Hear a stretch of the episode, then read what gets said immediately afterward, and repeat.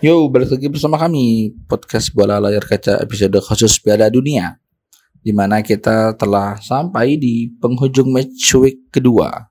Match week kedua, uh, di mana ada pertandingan-pertandingan menarik dari grup G dan grup H.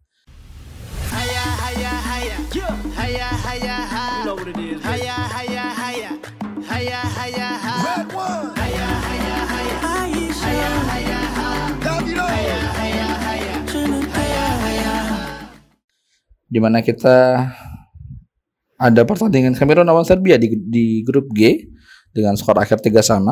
Mereka harus saling puas berbagi poin satu, uh, saling susul saling susul susulan dalam mencetak gol. Jadi laga yang menarik juga karena uh, tercipta 6 gol di sana. Ya agak geras agak agak gerasak gerusuk sih mainnya tapi it's okay uh, menarik karena banyak gol gitu ya daripada seri tapi kosong-kosong kan uh, garing gitu. Lalu di grup H ada Korsel yang dikalahkan oleh uh, timnas Ghana.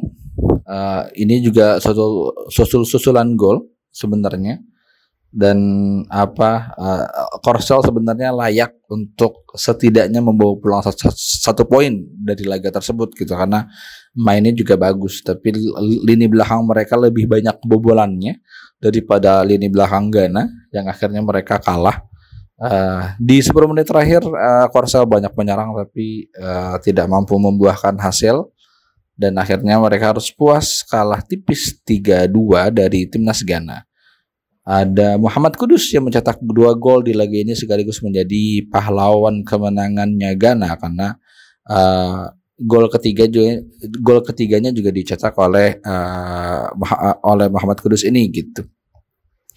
Lalu ada tim unggulan masing-masing grup G dan grup H yang memang sudah memastikan diri ke 16 besar menyusul timnas Perancis. Dari dari sekian banyak uh, negara yang ada dari sekian banyak negara-negara unggulan yang berpartisipasi di, di, di pada dunia 2022 ini baru Prancis yang memastikan diri lolos dari dua pertandingan awal ini gitu. Nah, dengan hasil semalam Brazil dan Portugal juga nyusul nih, nyusul Prancis ke 16 besar. Um, Brazil Portugal uh, Brazil dan Portugal sama-sama lolos dan yang menarik pemain MU di masing-masing negara menjadi pemain kunci mereka. Di mana Casemiro mencetak satu-satunya gol di laga Brazil lawan Swiss yang uh, membuat Brazil bisa meraih tiga poin dan memastikan tadi ke 16 besar. Jadi Casemiro adalah pahlawan Brazil di laga semalam. Lalu juga sama di kemenangan Portugal atas Uruguay juga pemain MU lah yang jadi pahlawannya ada Bruno Fernandes yang mencetak dua gol. Gol pertamanya memang agak kontroversi karena uh, agak sekilas uh, terlihat ada ada ada sentuhan kepala kepala Ronaldo, tapi FIFA uh, apa namanya uh, memutuskan bahwa itu adalah golnya Bruno Fernandes gitu. Tapi kabar terakhir timnas Portugal telah mengajukan banding terhadap golnya Bruno yang pertama yang sebenarnya sekilas ada sentuhan uh, ke kepalanya uh, Ronaldo. Uh, katanya katanya sampai menyertakan bukti-bukti untuk uh, mendukung hal tersebut gitu, mendukung bahwa Ronaldo lah yang harus uh, harus ditasbihkan menjadi harus uh, ditetapkan menjadi uh, pencetak gol pertama di laga tersebut. Tapi oke, okay. uh, siapa pun itu ya main MU juga kan Ronaldo ya, meskipun udah diputus kontrak sih tapi ya main MU lah gitu ya. Sebelum ke Piala Dunia kan mereka uh, Ronaldo masih berstatus uh, sebagai main MU gitu. Jadi uh, Portugal dan Brazil lolos karena pemain MU gokil gitu. Keren kan? Main MU nih bos, senggol dong, mantap. Nah, uh, masing-masing masing-masing grup uh, masing-masing grup uh, siapa yang mendampingi Brazil dan Portugal di 16 besar kita belum bisa mengetahui karena uh, apa grup G dan H ini ini ya uh, cukup ketat juga, cukup cukup ketat juga. Uh, tiga tim lain, uh, tiga tim lainnya masing-masing masih memiliki kesempatan yang sama nih, masih memiliki kesempatan untuk lolos mendampingi Brazil dan Portugal ke 16 besar gitu.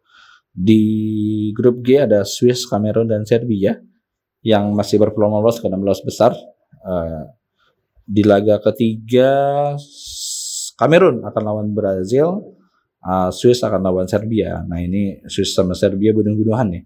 Kamerun lawan Brazil ya mungkin uh, kalau kalau Brazil mengistirahatkan pemain-pemain kunci eh, kuncinya Casemiro misalnya asik eh, Casemiro main kunci ya karena ya itu nyetak gol kemenangan lah hebat mungkin mungkin bisa gitu mungkin mungkin Cameron bisa menang gitu tapi kalau Brazil turun dengan skuad terbaiknya ya uh, maaf maaf aja mungkin Cameron akan tersisih gitu.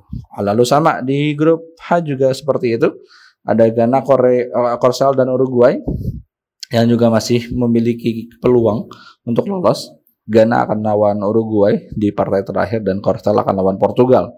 Korsel meskipun lawannya Portugal tapi ada kemungkinan juga Portugal uh, itu menurunkan uh, skuad lapis keduanya gitu karena bagaimanapun juga biasanya memang ada ada ada sebagian uh, tim yang sudah memastikan lolos ke 16 besar ke fase knockout itu mengistirahatkan pemain-pemain kuncinya, pemain-pemain andalannya di partai terakhir fase grup uh, uh, agar apa ya agar agar menghadapi 16 besar tuh ya, pemain-pemain kunci mereka, pemain-pemain andalan mereka bisa lebih bugar dan siap gitu ya.